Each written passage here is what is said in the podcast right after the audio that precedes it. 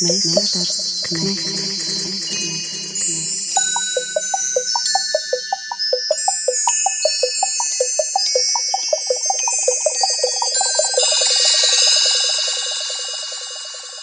Meistars Knechts. Esiet sveicināti! No vasaras brīvdienām ir atgriezies raidījums Meistars Knechts un studijā Māra Rozenberga. Sūtot labas veselības vēlējumus Orestam Silabriedim, Kamēr mēs bijām prom, ir mainījusies valdība un ir notikušas vērā ņemamas izmaiņas kultūras nozares politiskajā pāraudzībā. Un šķiet, ka neviena ministrija tik ilgi nav bijusi vienas partijas rokās, kā tas ir bijis ar Nacionālo apvienību un kultūras ministriju 12 gadu garumā, kā mēs saskaitījām. Un tikko nozares grožus ir savās rokās pārņēmuši progresīvie ar būtiski atšķirīgu politisko ideoloģiju, tāpēc jaunās sezonas pirmajā raidījumā kopā ar pieciem visnotaļ erudītiem sarunu biedriem mēs gribētu atskatīties atskatīties, kāds šis laiks ir bijis un kādas pārmaiņas varam sagaidīt. Un šodien mūsu viesi ir teātris režisora Mārķa Mela. Labdien! Labdien! Žaņa Lipkas memoriāla direktora Lolita Thompsone. Labdien! Filozofs Artis Svece. Labdien! Biedrības ņū īsti vadītājs un viens no Daugavpils pieteikuma Eiropas kultūras galvaspilsētai komandas Jorens Dobkevičs. Labdien! Labdien! Un grāmatu redaktors Svens Zvaigzne. Labdien! Labdien! Cik vispār uzmanības vērta jums šķiet šī politiskās varas maiņa kultūras ministrijas vadībā? Ārti, varbūt varam sākt ar jums. To mēs nezinām. Nu, paskatīsimies. Skaidrs, ka ministrija jau nav tikai tāds politisks veidojums. Tur ir ļoti daudz administratīvu lietu, kas ir jārisina. Tā ka tas varētu būt interesanti. Un, un arī tie iepriekšējā pēdējie trīs ministri jau bija diezgan atšķirīgi pēc sava raksturu un ievirzes nevienmēr var būt tādi ideoloģizēti. Tā kā nu, redzēsim. Mārka, kā jūs domājat, vai tas ir būtiski, ka mainās politiskā pārvaldība tādā jomā kā kultūra politika, vai jūs to kaut kā izjūtat? Nu, līdz šim nevarēja izjust. Partija bija viena un tā pati, bet, bet vai progresīvie ieviesīs kaut ko jaunu ar savu virzību? Tiešām jāpiekrīt ar tiem, redzēsim. Ar ko vispār Jūs jūtat, ka ir bijusi iezīmīga šī Nacionālās apvienības ēra, ja mēs tā varam teikt, eh, kultūras eh, politikas vadībā. Lalita, kāda jūs sajūta? Nu, pirmkārt, eh, iekrita Nacionālajai apvienībai tieši Latvijas simtgade. Um, kas nu, pat jau tāpēc, ka vēl bija pandēmija pa vidu un viss tas izdzīvošanas neprāts. Uh, tad uh, ir mazliet piemirsies, bet es domāju, ka pēkšņi kultūra bija prioritāte. Jo ar ko mēs tajā simtgadē leposimies? Vēsture, mantojums, koncerti, laikmatīgā māksla. Kino nozarē, ja jūs atceraties, īpaši jums noteikti kā kultūras žurnālistiem, jūs noteikti katru divreiz nedēļā gaidat pirmizrādēm, kas patiesībā ir liela lieta, nu, dokumentālajā kino un mākslas kino, kas tika tobrīd um, izdarīta. Tāpēc man šķiet, ka tas bija tāds, man liekas, ļoti Latvijas kultūrai svarīga lieta, kad pēkšņi novērtēju to, ka, uh, ka mums ir tik daudz, uh, ko, ko piedāvāt. Uh, no otras puses, es domāju, ka mēs redzēsim tagad ar jauno valdību un jauno kultūras ministru. Un redzēt, ja viņas biroja vadītāja ir eh, Līna Bierzaka Priekula, kur ir eh, arsenāla eh, kuratora bijis mākslas. Laikmetīgā māksla. Es domāju, ka tā prioritāte noteikti mainīsies uz laikmetīgās mākslas muzeju, uz kino varbūt nozari, vienkārši domājot par cilvēkiem, kas, kas ir tēmā. Tieši tāpat kā Puntuļkungs Nacionālā apvienībā uzreiz sāk risināt koncertu zāles jautājumu. Nu, tas taču, tas taču arī skaidrs. Zāli.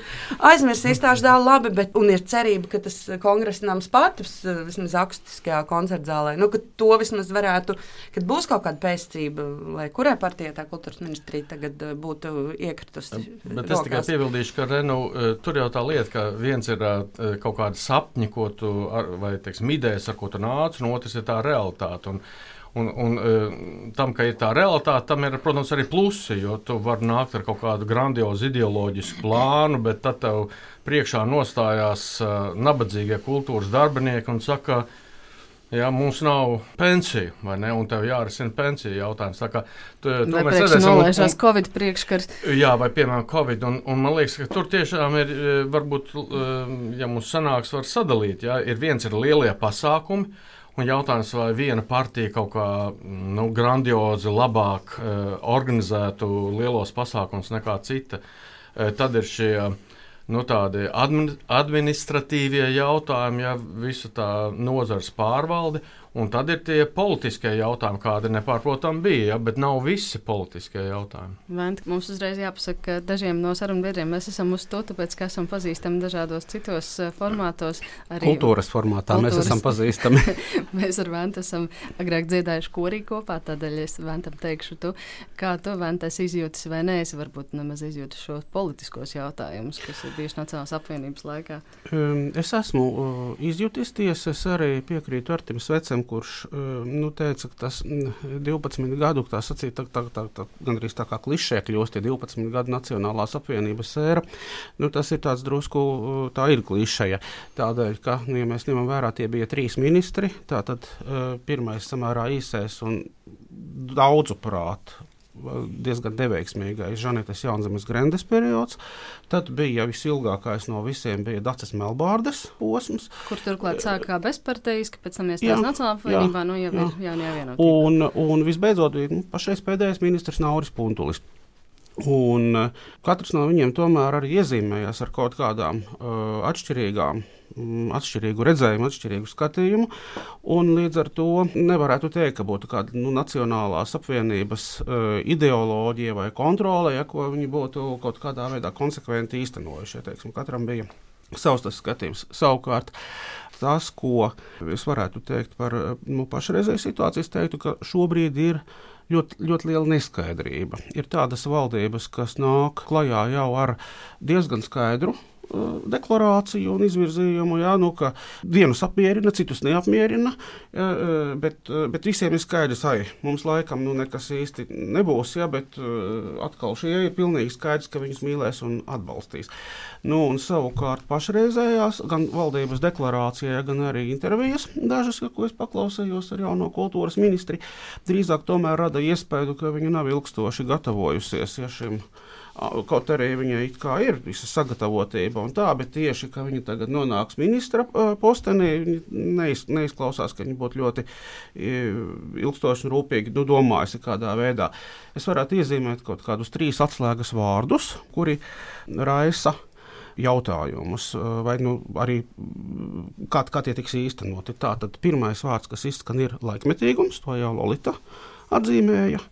Es gan gribētu atzīmēt, ka arī Naura Puntuļa laikā, neskatoties uz teiksim, tradicionālo kultūru, dziesmu svētkiem, un tā bija gana daudz laikmetīgās mākslas pasākumu norišu, bet acīm redzot, tad ļoti maz uh, budžeta procents bija veltīts laikmetīgai mākslai. Ja skatās vienkārši to visu to, to viņu pīrāgu, kā tika sadalīts, tur tomēr bija. Un ministrija ne, neveido pasākums. Jā. Ja to jau cilvēki dara. Jā. Protams, ka to dara, to, to dara cilvēki. Vienkārši ir jautājums, vai ministrija dod zaļo, zaļo gaismu un, un kādā veidā ministrija to atbalsta. Tā ir viena lieta. Otra lieta, kas izskan praktiski visos, uh, ir vārds uh, iekļaušana, iekļaujošs. Dažādā veidā grozīts, es atceros, uh, iekļaušanas un iekļaujošuma, ja tā var teikt, trūkumu pārmeta, ja nemaldos, saistībā ar vienu politisko balsojumu uh, Naurim Puntulim, kultūras darbiniekam. Kaut gan tas bija, tas bija jautājums, kuriem principiem tajā brīdī ir jāsako kultūras ministram, jo tas nebija tiešā veidā nekāda ir kultūras saistīts jautājums. Bet, nu, Mēs runājam ziņā, par partnerattiecību likumu. Tas bija partnerattiecību mm. likuma apspriešana. Bet, jebkurā gadījumā, tā tad ir šis otrs atslēgu vārds iekļaujošs, iekļaujošums, un trešais, ko es nu pat vēl pamanīju, ir vārds arī ideoloģija.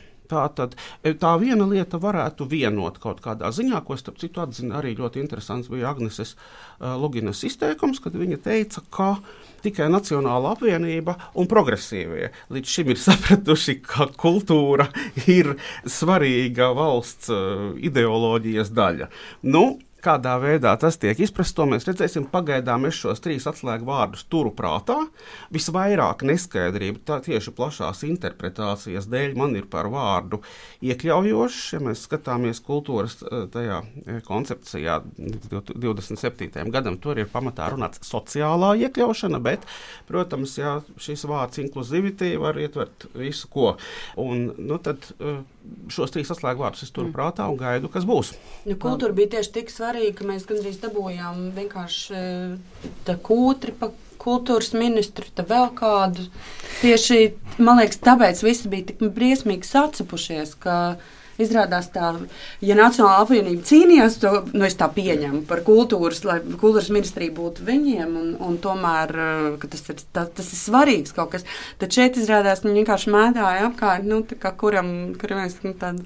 Tas bija tas, par to Manuprāt, līdz šim neviens arī Nacionāla apvienība tā īsti negribēja to kultūras ministriju. Vienkārši Nacionālajai apvienībai atmet parasti to kā nesvarīgāko ministriju tiešām, tiešām. Par ministru izvēles procesu es noteikti gribēšu ar jums vēl parunāt uh, vairāk, bet es gribētu dot vēl vārdu Jorenam Dobkevičam. Uh, Joren, es tā saku domāt, jūs esat uh, laikam jaunākais šo, šeit no sarunu biedriem uh -huh. mums mhm. studijā, vai nav tā, ka Nacionālās apvienības, ja mēs tā runājam, tie klišejiskie 12 gadi kultūras nozars pārvaldībā sakrīt arī ar, ar jūsu pieaugšanas laiku? Nu jā, gana daudz. Un, un, Un šodien jūs stāstījat par to laikmetīgo mākslu, kas, kas parādās vairāk Rīgas kontekstā. Es, protams, šodien negribu no sava aspekta komentēt par Rīgu, gribu runāt par, par Latviju, par Daugopili. Nu, tur tā pa tiem 10, 12 gadiem nu, situācija ir ļoti švaka. Uh, švakā ar to, ka kultūras ministrijai uh, Nacionālās apvienības paspārnē šis reģions nav ne interesants, ne aktuāls, un tā ideoloģija, kas strādā ziemeļrietumu un centrālajā Latvijas daļā ar to etnocentrisko, tradicionālo, viņa tur īpaši nestrādā, viņa nav tā inkluzīva, nav tā iekļaujoša e, ne mazākuma tautībām, ne tām laikmetīgajam kontekstam, kas tur ir ar tām problēmām un lietām. Bet kāpēc? Kādreiz man viens no kultūras ministriem darbiniekiem atbildēja, kāpēc viņi nerīkoja tur mediju prātības programmu Latvijā, vai, vai tur komentēja vienu SIF programmu, kāpēc viņi nerīko kaut ko Latvijā, un kāpēc kultūras ministrijas, kāpēc tur tā Latvija ir tā savādāk. Jo jūs pateicat ļoti atklāti, ja tur nav mūsu elektorāta. Par Nacionālu apvienību nebalso Daugopilī, nebalso Augstdaugavas novada, un tas nav, nav tā zeme, kur viņam ir ērti un, un forši parādīties ar kaut kaut kādu savu programmu un vīzijas, ilgtermiņa stratēģijas uz to integrāciju, koheiziju, eh, dialoga veidošanu, kaut kādas eh, caur tam laikmētīgām formām vai caur tradicionālām formām, izmantot to kultūru kā katalizatoru tam pārmaiņām un tām sarežģītām diskusijām. Viņa netika izmantota. Galu galā ir tas, ka reģionos pastāv tikai valstiskā kultūrā, tikai valsts teātrī, pašvaldības valsts kultūras iestādēs, muzeji un centri, un pilnībā nav nevalstiskas kultūras. Viņa neeksistē. Ņemot vērā to politiku, to finansiālu, to cenu dempingu un tā tālāk, tur vēl būs interesants tas par to, bet galu galā veidojas tā, ka nav cita konteksta. Un tā situācija, kas veidojas tās pašvaldības valsts kultūras iestādes, viņa ar katru gadu apaug ar pašcensūru vairāk un vairāk, jo to centrālo domu, ideoloģiju no Rīgas translēt nav iespējams, jo viņa nav aktuālā. Savu rādīt, pietrūks spēku, kapacitātes, idejas, radošuma, dažādu lietu. Un e, kaut kā pēdējo nedēļas laikā pajautāju pazīstamiem režisoriem, māksliniekiem, aktieriem, uh, Uh, Latvijā. Nu, kāda vien, vienkārši šodien sajūta par to mākslu, par to kultūru pilsētā un reģionā? Un bija stāsts par to, ka ir tā vis, visbriesmīgākā pašcensūra, kas, kas stopē vis, vis, visādus procesus. Un šeit, protams, var pateikt, jā, Nacionāla apvienība ir vainīga pie tā, vai nav viņa tā vainīga. Vai kaut kā dabiski izveidojas šis process, pie kura nonācām, kur pastāv tikai valsts iestādēs, ar diezgan primitivizētu domu un pieeju pie mākslas nevalstiskas kultūras alternatīvas nav. Un uh, kultūra netiek izmantota kā šis soft powers, uh, Latvijas, Latvijas Maigā integrācija, Daugopils, Rīgas integrācija. Bet uh, jūsu biedrība New East taču ir nevalstiska organizācija, kas tieši ar to nodarbojas, ar kultūras projektiem. Jūs jūtaties tā kā tādi balties virbulīši? Jā, mums ir tāda ļoti forša tradīcija. Katru pavasari valsts kultūra kapitāla fondam iesniegt uh, pieteikumus nekad nedabūt naudu, jo tas ir pārāk dārgi. Tur reāli brīvprātīgi projekti, jā, vai nu tas ir pārāk dārgi, vai nu, a, kāpēc jūs gribat izrādi izmantot ukraiņu, krievu un baltkrievu valodas pie latviešu valodas, vai nu, a, priekš kam runāt ar krievu valodīgiem par kāru un refleksēt par to 2022. gadā. Jā, un šeit visu laiku, un tur spēlmeņu nakts nominanti pieteicas. Daugopils teātris aktieri, nu, mēs pieteicāmies, un viņi saka, nē, nē, nē, paldies. Bet, nezinu, piemēram, Bundestāgas programma atbalsta šādas iniciatīvas. Ātrāk, vienkāršāk, vieglāk un ar, un ar naudu un ar idejām, viņi saprot, ka tas ir svarīgs. Vai nu British Council Latgalē kultūras ziņā, eh, nevalstiskas kultūras ziņā eh, dara simtreiz vairāk nekā kultūras ministrija un atbalsta iniciatīvas, atbalsta kopienu teātrus, atbalsta dažādas formas. Nezinu, pat eh, mans kaimiņš ebrejs, jā, pagājuši gadu bija. Mm. Tas arī ir stāsts par to, ka cilvēki meklē šo mm, mm, kopīgas vērtības, diemžēl neatrod viņu ar kultūras ministriju, bet atrod viņu ar ārvalstu fondiem vai nu vēstniecībā. Ļoti interesanti sajūta, vai ne? Jūs izjūtat to Rīgas atrautība no Daugopils daudz vairāk nekā mēs šeit Rīgā varbūt to saprotam, vai ne? Nu, jā, jā, jā. Man šodien ceļš uz Rīgu ir īsāks nekā liela, lielākai daļai rīdzinieku uz Daugopili tikt.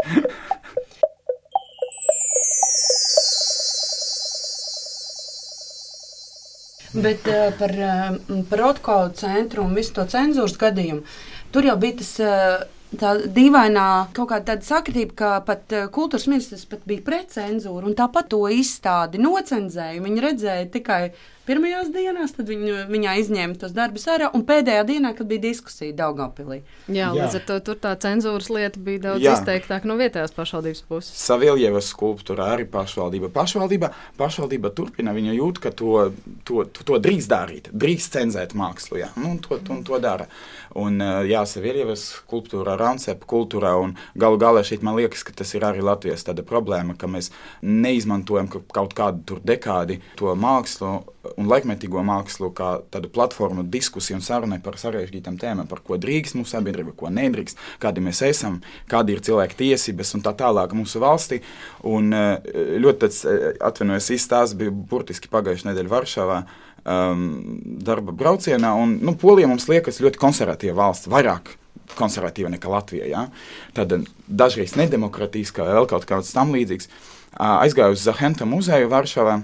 Un tā ir Varšava, tas ir atsevišķs stāsts. Jā, bet nu, vienkārši. Vroclavā, nu, jā, bet aizgāju pasauli. vienkārši uz, uz pirmo mūzeju, kas tur ir. Zahentem man viņa patīk, un tur bija tādā mm, realistu, nu, to, to 21. gadsimta realistu izstāde Cigānu un Novieku. Tur bija tas par to, kā viņi ir refleks par e, Jēzus Kristus šodienas sabiedrībā. Viņš var kļūt atvainojis par bomzi, viņš var kļūt par narkomānu. Jēzus var kļūt dažādas formas mūsu sabiedrība būt. Ja? Un tur es pa, pameklēju, nebija nekāda skandāla, nekādas diskusijas. Polija, kur ir tāda spēcīga eh, katoliska valsts, ļoti konservatīva, tas ir ok, tas ir māksla, laikmetīga. Var veidot diskusiju, viņam var nepatikt lielākajai sabiedrības daļai, bet to drīkst darīt. Jā, un, bet Latvijā, kad parādās, nezinu, lietuvieti skulptūra, tad jau, jau ir krusta ceļš apkārt muzeju plāno un, un pašvaldība pieslēdzas un komentē to visu. Tur vienkārši ir ir sieviete ar tatuvējumiem. Un, un viss. Nu, kā, kā tā sanāca, ka mēs esam tik konservatīvi un, un, un tā laikmatīga māksla nepalīdz mums veidot to, to dialogu par sarežģītām tēmām? Vai tu gribēji kaut ko piebilst? Jā, es gribēju, es gribēju um, klausoties, ja vienu brīdi ir, ir, ir tas jautājums Daugopils un Latgale. Daugopils at, uh, attiecības ar centru un Daugopils uh, un Latgale kā reģions un Latgales savukārt. Uh, attiecības. Eh, ņemot, es saprotu, arī Rīgā bieži vien ir eh, tendence nu, Rīgu asociēt ar to, kas notiek Rīgā, ja, ar to, kas, to, kas notiek Latvijā, kur zemē vidzemē, vai, vai Latgalē Daugaupilī nav līdzīgi, ņemot vērā gan Daugaupils atšķirīgo lielumu, gan arī dzen, Daugaupils nacionālo sastāvu, un vispār, nu, Daugaupils reizēm es esmu dzirdējis pat arī, arī tik radikālus apgalvojumus, ka Daugaupils ir tā tāds kā anklāvs uh, pārējā Latvijā, kam es arī negribētu īsti piekrist. Bet jautājums ir, jā, cik lielā mērā šīs, jūsuprāt, šīs uh, aprakstītās problēmas ir tieši Daugaupils, un cik lielā mērā tās tomēr ir jau Latgales kultūras vai kultūra politikas problēmas Latgalē. Bet, manuprāt, ļoti īsti tas, kas notiek Daugaupilī, tas arī notiek Latvijā. Daugopils nav ne anklaus, ne, a- ne nekāda cita valsts, nekāda cits uh, reģions. Tas ir Latvijas daļā. Mums nav nekādas Nu. autonomijas, un tas ir viss uh, kultūras iestādes zem pašvaldībām. Tādām pašām kā Kurzeme, Vidzeme, Rīgā. Kultūras iestādes teātrī ir zem kultūras ministrijas, tādi paši teātri kā Valmiera un, un citu vietu. Nu, nu, tas lielā mērā droši vien ir arī stāsts par to, kā kultūra politika savīs vai nesavīs ar integrācijas vai sabiedrības saliedēšanas politika, kas arī ir kultūras ministrijas eh, pārziņā un eh, par ko arī kultūras ministrija Nacionālās apvienības eh, valdīšanas laikā ir saņēmusi zināmu devu pārmetumu, ka šī sabiedrības saliedēšanas politika nav bijis viņu uzmanības centrā ārti. Jā, man liekas, ka, eh, ja mēs meklējam tādu politisku aspektu Nacionālajā kultūras ministrijā, tad uh, tur ir uh, kāda divas, trīs tēmas izvirzās, un šeit jau viņas ir parādās. Un viņas kaut kādā ziņā tika realizētas caur nedarīšanu, nevis darīšanu. Tāpēc arī viņas tā kā nav priekšplānā. Proti, viens ir vienaldzība pret integrācijas uh, politiku. Protams, visu laiku kaut kas notika, bet tas nebija centrā. Man liekas, ēlēta bija tā, ja, kas uh, uz kultūras ministriju pacēla integrācijas politiku, un pēc tam tas uh, tika um, ignorēts. un Tur var būt dažādas, protams, integrācijas, un, un šeit jau bija runa ne tikai par Latvijas, bet vispār par pilsonisko sabiedrību Latvijā ārpus Rīgas, ja kāda tā ir. Uh, Nu, un otrs ir uh, modernā, nu, tā laikmetīgā māksla, kas varbūt, um, nu, es domāju, daļai ministru arī nebija sirdī tuva, bet arī visai tai nu, nacionāļu kompānijai ir kaut kas tāds svešs un aizdomīgs. Un es domāju, ka tas arī tomēr realizējās kaut kādās nerakstītās taktikās, ko atbalstīt un ko, ko neatbalstīt Latvijā. Bet eh, nu, eh, tā problēma, protams, ir, ka laikmetīgā māksla un laikmetīgā kultūra ir viens no elementiem, kas padara Latviju. Vai varētu, vai teiksim, no kā ir atkarīgs tas, vai Latvija ir uh, dinamiska, starptautiski konkurējoša sabiedrība. Un ja mēs, eh, ja mēs eh, nu, tā kā mēģinām noslēgties un kaut kā koncentrēties tikai uz, uz tādu šauru izprastu identitātes politiku, tad mēs eh, nu, nokļūstam tajā vietā, kur mēs šobrīd esam, ka mēs kļūstam ar vien provinciālāki. jā. Mm. Bet kas jums vispār ir tie atskaites punkti, ar kuriem jūs vērtējat, vai un kas ir padarīts konkrētā jomā? Māri, piemēram, kad jūs skatāties uz to, nu, piemēram, pēdējos piecos gados vai desmit gados, kas ir noticis Latvijas kultūras politikā, pie kā jūs tveraties, kas jums ir svarīgi? Nu, man liekas, ka tas ir tas pats, kas visā valstī. Viss notiek kaut kādiem maziem gabaliņiem. Kurš nāk pie teikšanas, viņš varbūt ar visu savu jaudu metās iekšā un, un dara to, ko viņš uzskata, kā vajag. Un tad atkal nāk nākošie. Mums nav Pārmantojamības. Tālaicīgas stratēģijas ne valstī, un es pilnīgi noteikti ne valstī, arī ne tikai kultūrā. Tas nav ne zinātnē, ne rūpniecībā, un no rūpniecībā vēl vairāk. Nu, taču nav perspektīvas. Mums ir Mēs nacionālais visi- attīstības Mēs plāns. visi dzīvojam gabaliņiem, gabaliņiem, gabaliņiem. Jā, uz tiem lielajiem pasākumiem mēs esam tīri. Jā, jā, jā. Frīši? Un, un man pilnīgi pat riebi, ja tie vienreizējie kultūras pasākumi, jo, jo draugi, jūs zināt, cik daudz naudas tiek iegāsts, un tas parāda vienu reizi. Šī gadījumā mēs, protams, nerunājam par dziesmu svētkiem, jo tādēļ, ka tie tiek gatavot visus šos gadus, kamēr ir uh, tieši tie pati virsotni. Bet ir tādi vienreizēji pasākumi, pilsētas svētki, visādi tādi, tādi zema līmeņa, jeb, jeb teiksim, vidēji līmeņa, kur varbūt pat piedalās daudz tādu tautas kolektīvu, kas ir brīnišķīgi. Bet tomēr Tur aiziet tādas milzīgas naudas un jēgas, tomēr nekādas. Nu, ko viss dzēr alā vai piedzerās beigās. Nu, ikdienas prieciņu jau droši vien cilvēkiem arī vajag. To ikdienas prieku, es domāju, mēs paši varam arī sagādāt, jā, ģimenē un, un ar draugiem, bet, bet tie saucamie kultūras pasākumi, kuriem mākslinieckais līmenis nav augsts, bet kur aiziet ļoti liela līdzekļi, man liekas, ka tas ir bet nav jau runa par mākslinieku. Nu, mums tagad nevajag kaut kā sākt uh, gānīt pasākumus, kur cilvēki sanāk kopā un priecājas. Tur jau nav nekas slikts, bet uh, jautājums ir uh, Nu, tā par, proporcija. par priekšroku. Kam es dodu, kas Jā, ir svarīgs? Ja? jā. Vai, es, vai es dodu priekšroku kaut kādiem ilgtermiņa jautājumiem, vai tagad koncentrējos uz kaut kādiem Tieši tā. atsevišķiem notikumiem? Tieši vai tā. ne? Jā. Un tā problēma jau nav tajos notikumos. Problēma ir tajā, ka ir tikai, nu, tikai šie Tieši tā. pasākumi. jā. Tieši tā. Bet, ja mēs runājam par šo pārmantojamību, nu, ir taču plānošanas dokumenti. Mums ir lielais nacionālās attīstības plāns. Kultūras ministrija pagājušo gadu apstiprināja kultūras pamatnostādnes, eh, kultūra politikas pamatnostādnes 22. un 27. gadam kultūra valsts. Tas Cik- strādā tāpat kā pašvaldībās. Viņu skaisti sarakstīja, kopija-paste no pa- iepriekšējā perioda, un viņa skaisti stāv Jā. plauktiņā. Tieši tā. Un, Tieši e, tā plauktiņā. un es kādreiz atveru kaut kādas vienas no Latvijas pilsētām plānu, jā, un tur bija tik daudz to vienkārši kļūdu, un kā, nu, tur, protams, viņu neparaudīja n- tāds atbildīgais cilvēks no pašvaldības. Bet tas ļoti dārgi maksā, un firmas par to pelna naudu, lai, lai ļoti līdzīgas lietas rakstītu visur Latvijā.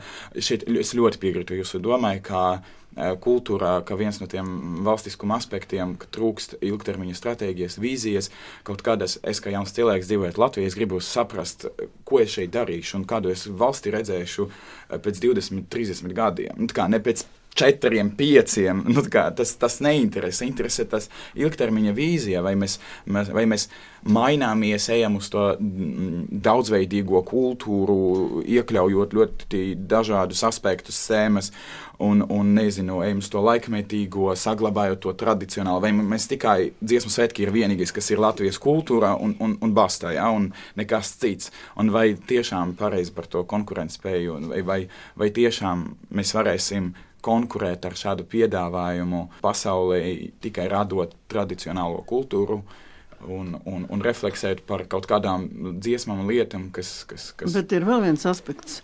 Nav tikai tradicionālā kultūra. Mums Latvijā ir visaugstākā līmeņa mākslinieki visās jomās. Visaugstākā līmeņa. Tur jau tas paradoks.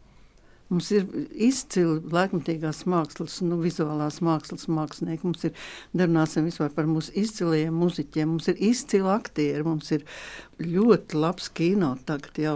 Viss, kur ir profesionālā māksla, kas skar atsevišķu nozari, tur ir ļoti augsts līmenis, un viņš paliek kaut kā karājoties gaisā. Jā, viņš paliek karājoties gaisā, jo, jo tā atkal uh, cilvēku, mūsu Latvijas iedzīvotāju lielā masa, viņi kaut kā nesaskarās ar šo. Un trūkst šis starposms, bet nevis tādēļ, ka tie mākslinieki nu, būtu tik lecīgi un iedomīgi. Nē, viņi iet savā profesijā līdz galam, un viņi kāpj ar vien augstāk un augstāk un aizplūst uz ārzemēm, protams, jo tur ir kas uz to skatās, tur ir kas to novērtē. Tā tad trūkst tas starposms, tā tad tā ir izglītība, izglītība un vēlreiz izglītība un skolotāja līmenis. Un šeit arī tas par to, arī, kā tie cilvēki fantastiski ir, bet ilgtermiņa stāsts, tas, tas stratēģija ir arī tas par to komunikāciju, kā mēs to visu pasniedzam vietējai auditorijai un kā mēs to pasniedzam ārpus Latvijas.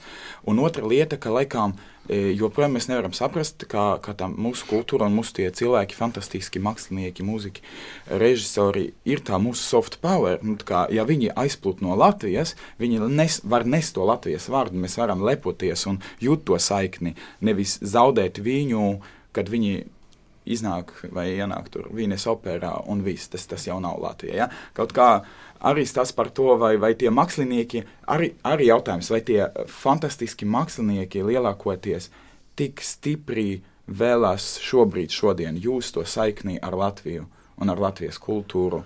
Tik tieši veida un nest viņu tālāk. Nu, Mākslinieks pats nenodarbosies ar to, ka viņš neies. Jā, tur, tur, Mārķa teica, jā. jā, Nē, nu, bet tas ne par to ir. Nu, nu, tas ir tas pats, kas par izglītību. Ja, ka vai dzīvot Latvijā māksliniekam ir interesanti? Ja? Un tas atkarīgs no tā, kas te notiek. Ja, ja viss ir uh, mokoši, viss ir lēni, ja, ja viss ir tikai mazums. Nu, viņam te ir, nu, viņš atnāk tā kā atbraucot pie vecā, vecās mātes, ja tur paskatīties, kā viņa govs lauc. Nu, nē. ja, tad, ja šeit ir dinamiska vide, tad jau viņi paši nāks. atpakaļ. Un droša vide. Venti. Jā, gribētu arī tajā, ko es dzirdēju, ne, lūgt neaizmirst vienu dimensiju, kas pilnīgi noteikti Nacionālajā apvienības, eh, teiksim, faktiski visiem ministriem kaut kādā veidā, un patiesībā visām tām valdībām, jā, bija svarīga, un, un tas ir viens vārds, ko es neatrodu, piemēram, pašreizējās valdības, jaunās valdības deklarācijā, un tas jo īpaši attiecas uz kultūru, eh, ir runa par nacionālu. Eh, respektīvi, nacionālā kultūra tiesa jaunās valdības deklarācija ir vārds latvisks.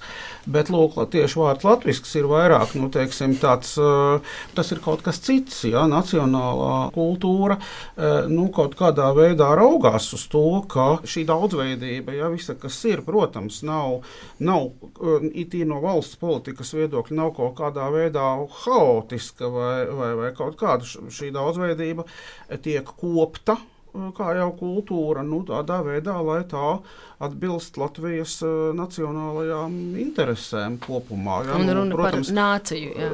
jā, runa ir par nāciju, runa ir par, runa ir par uh, nāciju un runa ir par. Uh, nu, tā, to, kas vispār ir kaut kādas uh, kopuma uh, kopīgais labums ja, vai, vai, vai, vai sabiedriskais labums un, un, un kādā veidā šīs intereses notiek. Un tad līdz ar to, piemēram, jā, ir skaidrs, ka piemēram, nu, tas ir arī likumos ierakstīts, un tā dziesmu svētki ir nacionālās kultūras daļa, jo viņiem tas ļoti acīm redzami. Jo, tas nav tikai vienkārši tradicionāls, jā, bet, bet tas ir, tas, ir diezgan skaidrs. Tā ir tik liela ja, ļoti, tik ļoti daudzu cilvēku no visiem Latvijas novadiem iesaiste ja, tajā visā lietā, un patiesībā, ja tiek uzturēta šī tradīcija, tā ļauj nodrošināt arī, kā mēs to redzējām pēdējos dziesmu svētkos, jā, pat ļoti augstu līmeni, kas tik milzīgam masu pasākumam jā, ir, ir vienkārši lielisks. Un, un tā ir dimensija, no kuras nekādā ziņā, vai tas ir pieminēts vai nav pieminēts, ne, nedrīkstētu izvairīties arī Eh, jaunā valdība un uh, jaunā kultūras ministra. Tādēļ es vienmēr ja gribētu vienmēr paturēt šajā visā. Tad, tad nu, mums vajadzīga daudzveidīga, mums vajadzīgs tas un tas. Un jā, tas bet, bet nu, nekas no tā, ko mēs teicām, nav pretrunā ar šo, manuprāt. Jā. Meistars Knechts.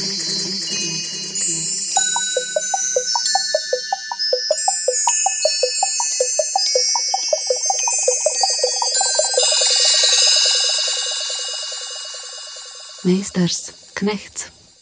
Es atgādinu, ka ētrā skan redzējums Meistars Knehts, un pie mums šodien studijā par kultūru kāda tā bija iepriekšējo valdību laikā un ko mēs sagaidām no valdības maiņas, sarunājas teātris režisore Māra Čimele, Žaņa Lipkas memoriāla direktore Lolita Thompsona, filozofs Artis Svece, biedrības ņūīst vadītājs Jorens Dobkevičs un grāmatu redaktors Vents Zvaigzne. Ventu jau pieminēja valdības deklarāciju. Es arī šeit izdrukāju sev valdību, pēdējo valdību deklarācijas, nu, atskaitēt paši 12 gadi. Protams, ka šīs jaunākās valdības deklarācijas tā kopējā fona ir patiešām ārkārtēji pretēji lakoniski ar to slaveno vienu punktu, kuru tu jau pieminēji, proti atbalstīsim latviskās kultūras tradīciju un kultūras mantojuma saglabāšanu, kā arī laikmetīgas attīstības nodrošināšanu. Tas ir viens punkts salīdzinājumā ar, ar iepriekšējām deklarācijām, kurās kultūras jomā ir veltīti nu, vismaz 15, 20 dažādi punkti un ļoti nu, konkrēti uzdevumi. Mēs jau te runājām par to, ka gribētos redzēt to, to strateģisko vīziju uz priekšu, ko tad mēs varam sagaidīt. Un it kā val, šīs valdību deklarācijas ir tāds nu, mēģinājums politiskā līmenī noformulēt, ko tad mēs redzam. Bet jūsuprāt, ir vērts vispār šīm deklarācijām pievērst uzmanību, tad, kad jūs vēlāk vērojat, kas notiek kultūra politikā? Mārijas smēties. Nē, kādēļ ne? Priekš kam tāds dokuments, ja viņam neviens netic? Ja? Nē, viņi ir tādi formāli. Nu, jā, tādi bet šeit ir kaut kādi signāli. Tie ir. Jā. Tie jā. signāli, jā, Vat, piemēram, man tas ir ļoti atvainojos, briesmīgs signāls. Jo mūsu Latvijas kultūras vēsturē e, šeit man e, liekas, ka ļoti skaidri pateikts, ka Marks Rotko, e, Eliza Erbenjegūda, mm, Fītelberg, Daugštā un citi pasaules slavenie rakstnieki, mākslinieki, mūziķi, dzinieki nav Latvijas kultūras vēsturē, jo viņi nav latviskas kultūras daļa ja, bet viņi ir un nāk no Latvijas, un uh, viņi ir tie, kas uh, veido arī mūsu pasaules uztveru. Uh, Bet, jā, bet viņi ir šodien pateikti, ka, ka Marka Rotko arī nav latviešu kultūras daļa, un tad paldies, aizmirsam varbūt par viņu. Nu, neviens no mums droši vien neapgalvo, ka tas ir pārdo, pārdomāts plāns, bet es domāju, ka tas ir savā ziņā mēģinājums apliecināt uh, vai kā to teikt, pateikt, ka novērst kaut kādas aizdomas. Ja, ka e, mums ir aizdomas, ka lūk, nāks e, tagad uh, radikālie liberāļi pie varas un, un aizmēzīs latviešu kultūru, un tāpēc ir. Iespējams, jā, iespējams tāpēc te kāds ir pat, nu, uzskatījis par svarīgu uzsvērt, ka uh, latvieši esat mierīgi. Bet es, protams, nezinu, kāda, kādā veidā tapa šis ģeniālais teikums. Bet es domāju par lepnumu, par uh, latviešu kultūru. Mēs tieši runājam par iepriekšējās valdību paveikto. Tā, tas lepnums par kino nozares panākumiem. Ņujorkas festivāls, Traibeka, Kairiša, Janvārs, Signis Baumanis, mans laulība projekts. Mēs visi rekādi, mums ir pasaules līmeņi, ko ārpusē novērtē māksla. Bet, ziniet, tur varbūt ir arī viena cilvēka milzīga iniciatīva, ko Dita Rietuma izdarījusi. Ja? Tik, tas ir tik neparasti, ka viens cilvēks var pēkšņi palaist straumi, aizsprost. Mm. Nu, vienmēr ir arī jautājums, ir, cik liela ir piesaiste kaut kādai uh, kultūras personībai. Piemēram, tad, kad mēs uh, runājam par uh, Signu Baumani kā par latviešu Jā. animatori, tad mums ir diezgan labi saprotami tie iemesli, kāpēc. Kaut arī viņa praktiski nu, lielākā, izcilākā viņas darbības daļa ir aizritējusi ASV. Jā, uh, Bet viņas komanda kāpēc... ir arī Latvijā. Viņa raksta par Latviju un Latvijas nu, vēsturi un savu dzīvi Latvijā. Jā, jā, jā, jā, par to, ka mēs nevaram teikt, ka tāpēc, ka viņi dzīvo Ņujorkā un brauc šeit pusi no tā, gada. Mēs to, to, mēs to ļoti labi saprotam, nu, mm. nu, bet tajā, tajā brīdī, ja, kad, eh, kad mēs nosau, nosaucam cilvēku tikai, piemēram, eh, saistām eh, Rīgā dzimušo Filipu Halsmanu jā, ar, ar Latvijas fotografiju, ārkārtīgi savādi tomēr. Ja, nu, ir, tur ir drusku, protams, ka tā robeža nav tik ļoti stingri noteikta, vai mēs vispār to saistām. Jā, mēs liekam pieejamies plākstu, mēs varam atklāt muzeju, mēs varam godināt, bet iekļaut kā Latvijas vai nu, latviešu, protams, nē, ja, bet kā Latvijas te, kultūras daļu, uz tā pamata vien, ka cilvēks ir Latvijā dzimis. Bet varbūt mēs, tas, tas, tas ir mūsu ir apgalvojumi, un to mēs definējam šeit. Vai Jā. to kāds sadzird no, no ministrijas? Nu, jo mums liekas, vārdā dažreiz... ir nosaukts mākslas centrs, kas ir šobrīd Daugavpils. Jā, un dabūs muzeja status, un tas ir fantastiski. Jā. Man mazliet, es kaut kā vairs nesaprotu, par ko mēs runājam, jo katrā ziņā, nu, viens, ko, ko es arī kādreiz esmu uzsvērs un vēlreiz gribu uzsvērt, nevajadzētu uh, no ministrijas sagaidīt kaut kādus risinājumus visām kultūras lietām un identificēt kultūru ar ministriju. Un, ja ko, kas notiek kultūrā, kaut kā saistīta ar ministrijas vārdu, tas arī par daudz goda ministrijai, bet um, uh, uh, man liekas. Uh, tiešām tas, um, tas būtiskais jautājums ir, uh, kāda ir tā stratēģija. Ja? Jo, protams, ka ir kaut kas izdarīts. Jā. Ja? Tad viens ir uh, tas, ka Latvijas um, nu, augstā kultūra izdzīvoja, tā skaitā Covid laikā. Nu, tas tomēr nu, tās, tās bija krīzes, ar kurām vajadzēja tikt galā.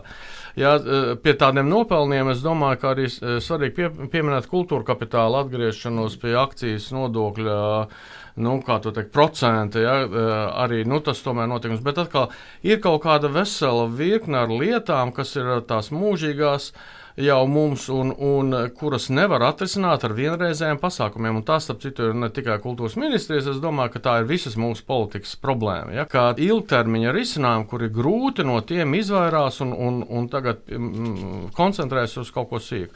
Ja? E, nu, kaut vai tas pats radošo personu status, ja? nu, tā taču ir nu, jau desmit gadiem mokās. Ja? Nu, kā tagad nodrošināt uh, sociāli uh, tos radošos cilvēkus, ja, kuri nestrādā algotu darbu? Ja? Visu laiku ir mocīšana. Nu, mediji, sabiedriskie mediji, sabiedriskie mediji mums ir švaki. Nu, ir švaki. Tāpat arī nu, kultūras, ja, mediju žurnāli, ja, kas sabruka ja, krīzes laikā, nu, atkal nu, nav, nav spējuši atrast kaut kādus ilgtermiņa risinājumus, un tas būtu kultūras ministrijā kā reizi jautājums. Nu, un es, es pieminētu vēlreiz to, to laikmetīgo mākslu, ja, jo, jo tas jautājums Halsmans, ne Halsmans, ja, tas, tas ir otršķirīgi atšķirīgs. Man liekas, tas, kas ir tas būtiskā tā izšķiršanās, ja? vai mēs gribam būt konkurētspējīgi starptautiski. Vakar biju Tallinā, nu, mēs gribam konkurēt ar Tallinu, mēs gribam konkurēt ar Igauniem. Es domāju, mēs šobrīd īsti nevaram, nu, nevaram. mēs nevelkam, ja mums nav, nav tās jaudas un to kopējo kopējo to atmosfēru, nu, tur ministrija kaut ko var darīt. Ja? Viņa nevar pati radīt mākslinieks, bet viņa, viņa var dot uh, cilvēkiem uh, iespējas ja? ar, ar, ar stipendijām, atbalstot modernās mākslas projektus, atbalstot muzeju, koncertu zāli un tā tālāk. Ja? Nu, tad jautājums, kā šo pēctecību un pārmantojamību nodrošināt, ja mums politiķi mainās un ja tie kultūra politikas dokumenti, kas tiek rakstīti, par tiem jūs visi pasmaidat un sakat, ka tie nonāk atvilknēs. Bet paskatieties, ar visu to labi 12 gadu Nacionālās apvienības valdīšanā, un tāpatās mēs pieņemam, ka cilvēki, kas strādā Latvijas kultūrā, tas ir pilnīgi pieņemam, ka viņi saņem minimālās algas. Katru reizi, kad muzeja izsludina kaut kādas, ka viņi meklē tur, nu, es nezinu, muzeja pedagogu, pētnieku, visi sociālie komentāri ir Jūs ņirgājaties, jums vajag divas, trīs valodas augstāku izglītību. Šis ir man, man sētnieks saņem vairāk un, un visādi tādi komentāri, ko kultūras cilvēkiem ļoti grūti lasīt, tāpēc ka viņi par tādām algām strādā. Tas ir tas, ar ko mēs dzīvojam. Un katram tur jāatrod kaut kur kā jāpiepelnās, jo ja nu tu izvēlējies savu tādu misijas darbu strādāt Latvijas kultūrā, Tad, nu, mīļais, nu, es nezinu, stādi kartupeļus, māci angļu valodu pa vakariem, dari jebko, lai tu kaut kā varētu tajā kultūras nozarē izdzīvot. Un Puntuļkungs lielajās, nu, lielajās nu, sarakstā par to, kā pacelt algas. Un tur ir, nav norādīts īsti, cik ļoti specifiskā vietā. Tas nozīmē Nacionālais muzejs, Nacionālais mākslas muzejs, visas, kas ir kultūras ministrijas pakļautības iestādes. Lielākā daļa nav muzeja, bibliotekas, eh, vispār eh, tie cilvēki vienkārši tādā fanātismā strādā, tāpēc, ka viņi uzskata, ka tas ir gan svarīgs darbs Latvijas labā. Vispār šie muzeja darbinieki ieceļam svēto kārtā. Es gribu piebilst arī, arī, arī iepriekš teiktām par to, ka mēs negribam it kā savas galvas uh, savienot to Latvijas kultūru ar kultūras ministriju, bet stāst arī par to, ka reģionos nevalstiskas kultūras neeksistē no, e, no vienas puses, un ļoti sarežģīti nu, diskutēt par to, kāda tā māksla ir cita ārpus tiem oficiālajiem muzejiem un, un centriem, un no otras puses par to, ka kultūras iestādes strādā par ļoti minimālām algām. Jā. Viņi vēl arī dempingo e, nevalstiskas vai privātas kultūras iniciatīvas. Ja, piemēram, Daugopilsē teātrī ir Jane Eyre izrāde, kur tikai uz skatuves ir 38 cilvēki, un biļetes maksā no 3,5 eiro sākot. Ja, un iedomājieties, tu nevari izveidot kaut kādu izrādi, mono izrādi un pārdot par 15 eiro biļeti. Jo tev neies. Jo kā, nu, un šis stāsts, jā, kā uz Rotko, Rotko centru vai, vai, vai teātri, ir aiziet vairāk kārt lētāk nekā uz Apollo kino šeit Rīgā. Ja? Nu, Un šis tas par to, kā ar to konkurēt, kā tai bet, bet e, tas, ka reģionos nav nevalstiskās um, organizācijas, e, protams, nav tikai kultūras ministrijas jautājums. Ja? Tur ir daudzas lietas, kas, ir, kas, jo, kas to jo, nosaka. Protams. Bet uh, kultūras ministrijā ir viena no tām institūcijām, kas tur varētu ietekmēt tas, ko jūs teicāt. Ja? Galu galā nu, visā Eiropā ir programmas, valstiskas programmas, kas ar to vien nodarbojas, ka mēģina attīstīt šo sabiedrību sabiedrisko, eh, pilsonisko dzīvi eh, reģionos. Ja? Un, un, bet tā integrācijas politika, kā jau mēs runājam, tā nav bijusi mm, kultūras ministru preference. Un gribas, kā to Latvijas pateikt? Jā, jā un gribas kaut kā ilgtermiņā dzirdēt, ka kultūra Latvijā var būt par normālu biznesu, tāpat kā, kā citvieta Eiropā, ka par to var pelnīt un, un dzīvot.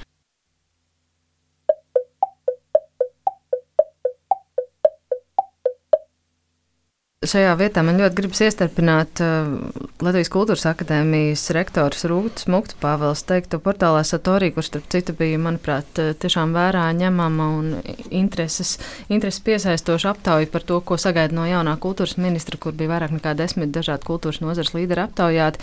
Un viņa teica tur tā, mentālās inerces rezultātā gan politiskajās aprindās, gan ikdienas diskursā kultūra joprojām tiek traktēta 19. gadsimta kapitālismu teorētiķu stilā, proti kā kaut kas liekas vai kā mīkstais cietā ekonomiskā pamata atvesinājums. Un tas arī izskaidro faktu, ka pēc parasta kultūras ministrija pa politiskajā dalīšanā paliek pēdējā, savukārt konsolidācijas iecerēs pirmā. Kā jūsuprāt, vispār ir iespējams domāt par to citādāk? Un kas veicina to domāšanas maiņu? Ja, nu viens tāds politiskais jautājums, jā, mums nav bijuši spēcīgi politiķi, kuri ir bijuši interesēti politikā. Tam, tam ir nozīme. Es domāju, tam ir nozīme. Un tur mums vienkārši nav uh, veicies. Politiķi, kas ir interesēti kultūrā. Nu, nē, nu, kas, kas būtu uh, ietekmīgi, kuri var, uh, var ministru kabineta sēdē panākt to, ka kultūrai tiek piešķirta. Uh, nauda, nevis atņemta nauda. Bet Helēna Demako varēja. e, nu, tā saka, sen. viņai sava, sava, kaut, kādās, jā, kaut kādās nozarēs tā saka, nu atkal tur ir savi labumi un, un sliktumi.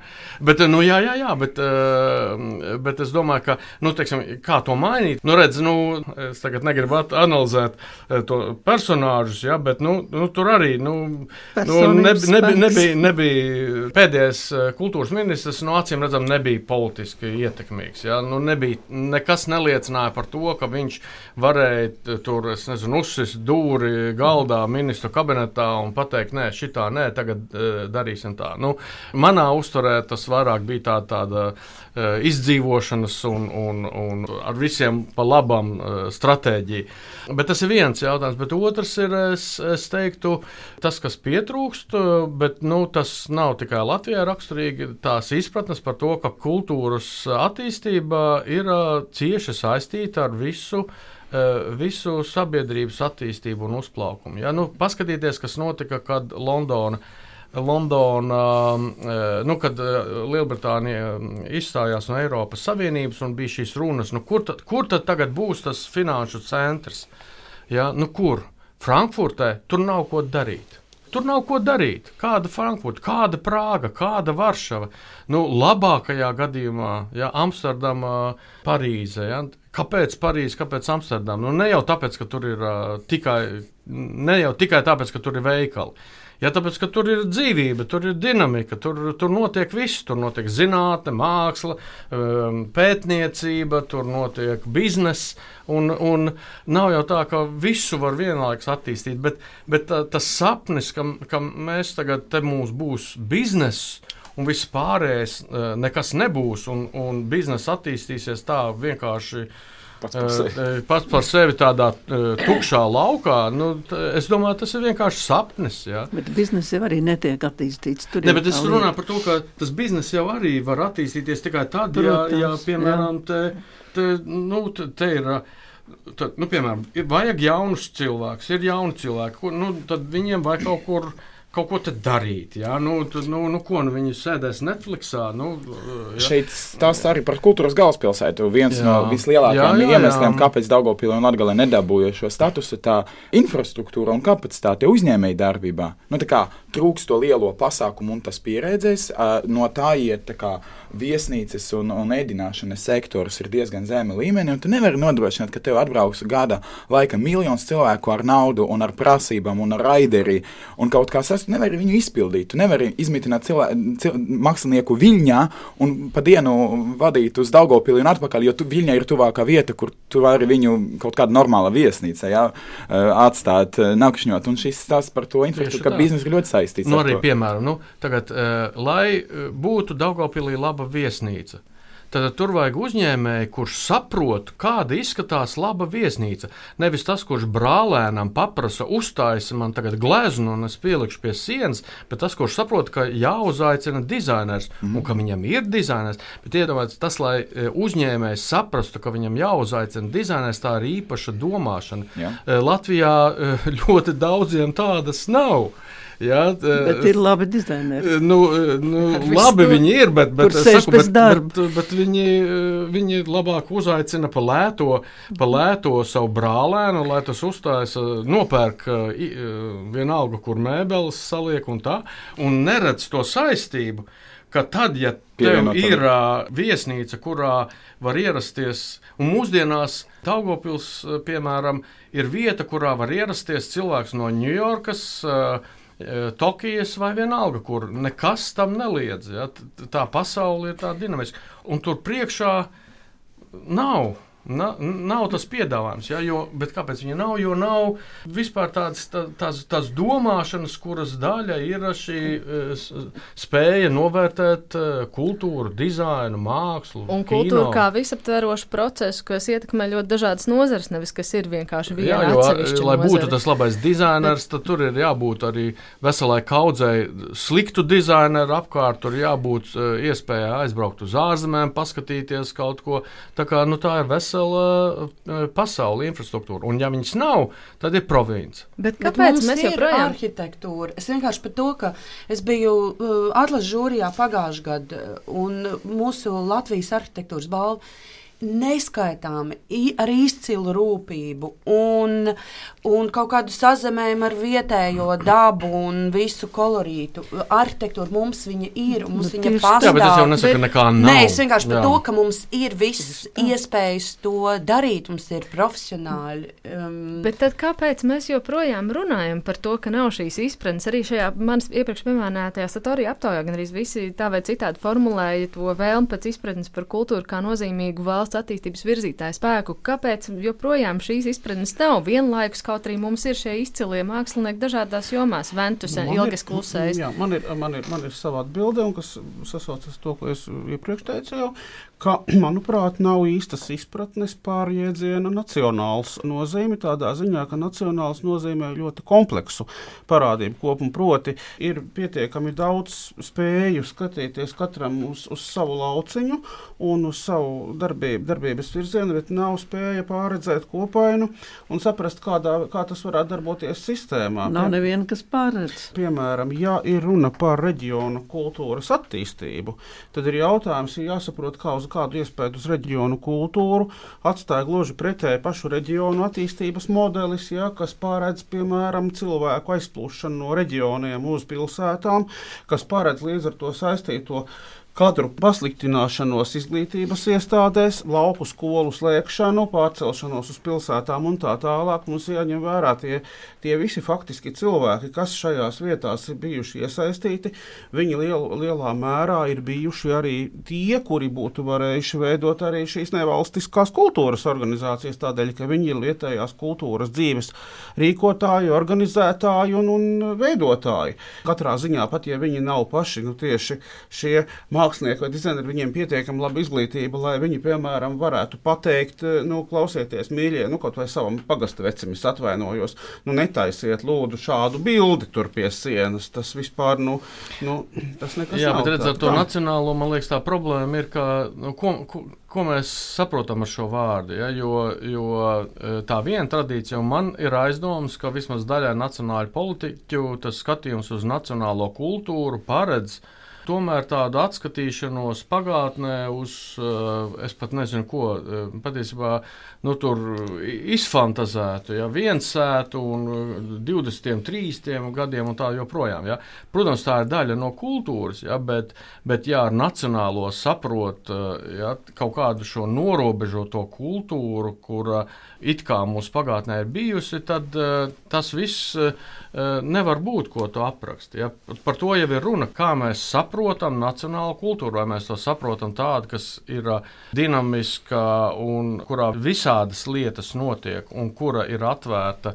Protams, ne jau tikai ietekmēm, ja, bet apmaiņai ar, ar apkārtējo pasauli. Vai mēs gribam atgriezties tikai pie tā tautas tērpa? Es domāju, valsts stratēģija. Es domāju, es domāju atgriešanās, atgriešanās pie tautas tērpa Diez vai daudziem ir, ir daži, daži jautājumi, jā, kuros nacionālā, nu, teiksim, nacionālā kultūra un, un vispār jau nacionālā politika, nu, kur ir tie jautājumi. Tas ir, piemēram, viens ir diezgan stingrs ir jautājums, es domāju, nu, par kultūras valodu, piemēram. Ja, tā tad, runa ir par uh, latviešu valodu kā Latvijas valsts valodu.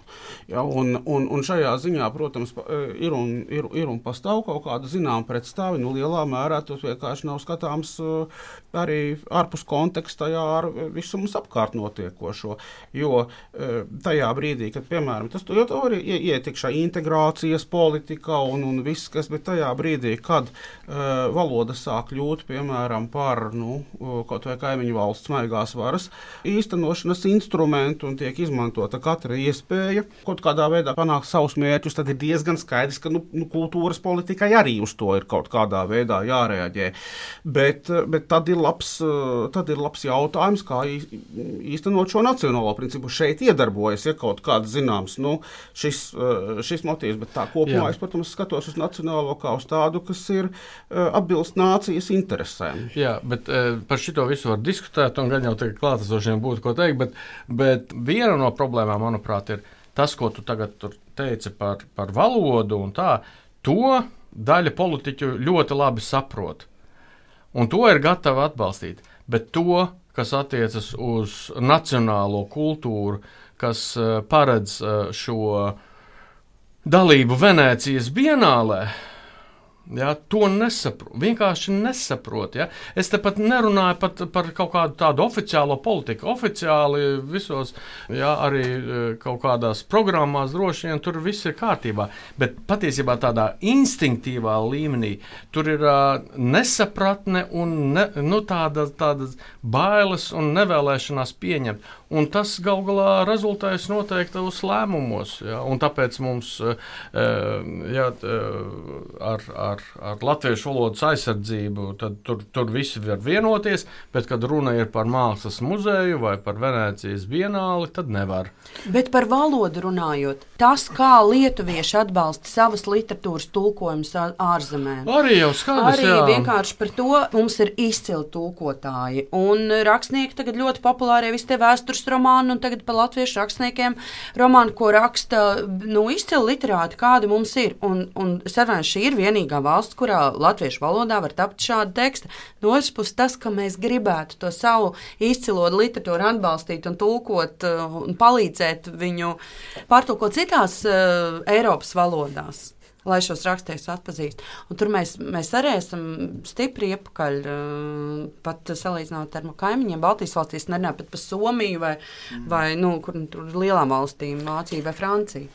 Joren. Un runājot par, par tiem politiķiem, kas varbūt neapzinās to, to kultūras vērtību, stāst atkal par to, jā, ja man ir veikaliņš un dizainu sataisīšu pats vai kaimiņam paprasīšu, jā, brālim, vai es no, nopirkšu, pasūtīšu foršu dizainu, jā, ja man nav šī saprašanas cilvēkiem lielākoties tā ir, kā kultūra nav tā vērtība, dizains nav tā vērtība, nav tā primāra lieta.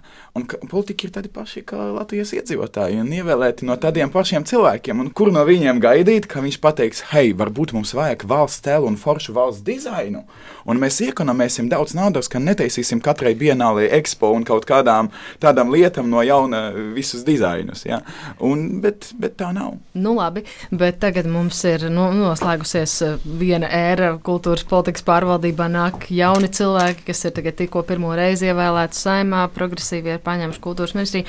Par ko jūsuprāt noslēgumā šīs sarunas ir liecinājis jaunā ministra izvēles process un viss vis ap to? Lolita. Par to, cik tuvu politika, kā, lai kā mēs negribētu, cik tuvu politika ir teātrim un reizēm cirkam, tas nu, šobrīd, šī, šīs konkrētais kultūras ministra izvēlēšana, viss tas process bija diezgan baiss uz to skatīties, tāds, nu, bet arī tāds mazliet bija melnais humors. Tad kurš būs tas nākamais, kurš tad mosties katru rītu un ir kāds cits kultūras ministrs? Tāpēc šobrīd man liekas tas, ka ir Agnes Logina, kur kino muzeja direktore, pasniedz uh, kultūras akadēmiju, vismaz ir strādājis par kuratoru ir kino, um, Rīgā, IFA, ir uh, kūrējas programmas. Tu tādu atvieglot, nopūties, jo vismaz ir kāds, kas ir no nozares, kas ir tēmā. Kritizēt pēc tam varēs, pēc tam, ka būs kaut kas izdarīts. Nu, ar vienu vārdu sakot, ir cerības. ir cerības, jā.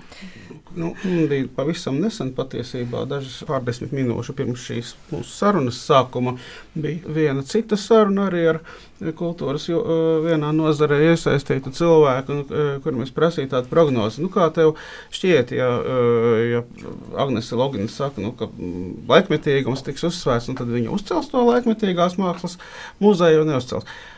Cilvēks tā paskatījās, viņš teica, nu, ļoti iespējams, laikmetīgās mākslas muzeja uzcels bet varbūt uz tā rēķina filharmoniju noraks. un, un tad, eh, tad ne, eh, filharmonija tagad ir atbalsts. Šad, lasīju, eh, tas mhm. vienmēr liec, liec to, lai, kāda, lai kādā veidā, ja, nu, ko mēs vēlētos no valdības, budžets būs tāds, kāds tas būs, un naudas būs tik, cik būs. Un vienmēr tā izšķiršanās, jebkuram ministram būs tā, kuru paēdināt un kuru atstāt nēdušu vai pusbadā. Nu, tā, ka, Jā. tā ka tas no, to, no tā jautājuma mēs nekādā veidā neatkratīsimies. Nu, acīm redzot, valdībai ir jāapzinās kultūras nozīmīgums viņu pašu pastāvēšanas labad un arī valsts pastāvēšanas labad. Ar šo ļoti trāpīgo novēlējumu es arī gribētu noslēgt raidījumu Meistars Knekts, jo skaidrs ir viens jautājums, par ko runāt kultūra politikā vien mēs pat gandrīz nepieskārāmies eh, integrācijas politikai, kur nu vēl mediju politikai, kas arī ir kultūras ministrijas pāraudzībā, ir ārkārtīgi daudz. Tas šķīvis vienam kultūras ministram ir milzīgi pilns, un tā līdzsvarošana starp to, kā vispār veidot politiku, lai visi ir apmierināti, ir kā arī Rūkta Mukta Pavels šķiet kaut kur izteicās, bija, ir gandrīz vai pārcilvēcisks uzdevums, nu, vēlot veiksmas jaunā amatā, un droši vien pēc kāda laika satiekoties šādā vai līdzīgā formātā, mēs noteikti raudzīsim arī, kur esam tikuši. Eh, saku lielu paldies šodienas sarunas dalībniekiem Mārē Čimalei, Ventam Zvaigznēm, Lalitai Tomsonai, Jorinam Dubkovičam un Artim Svecem. Visu labu!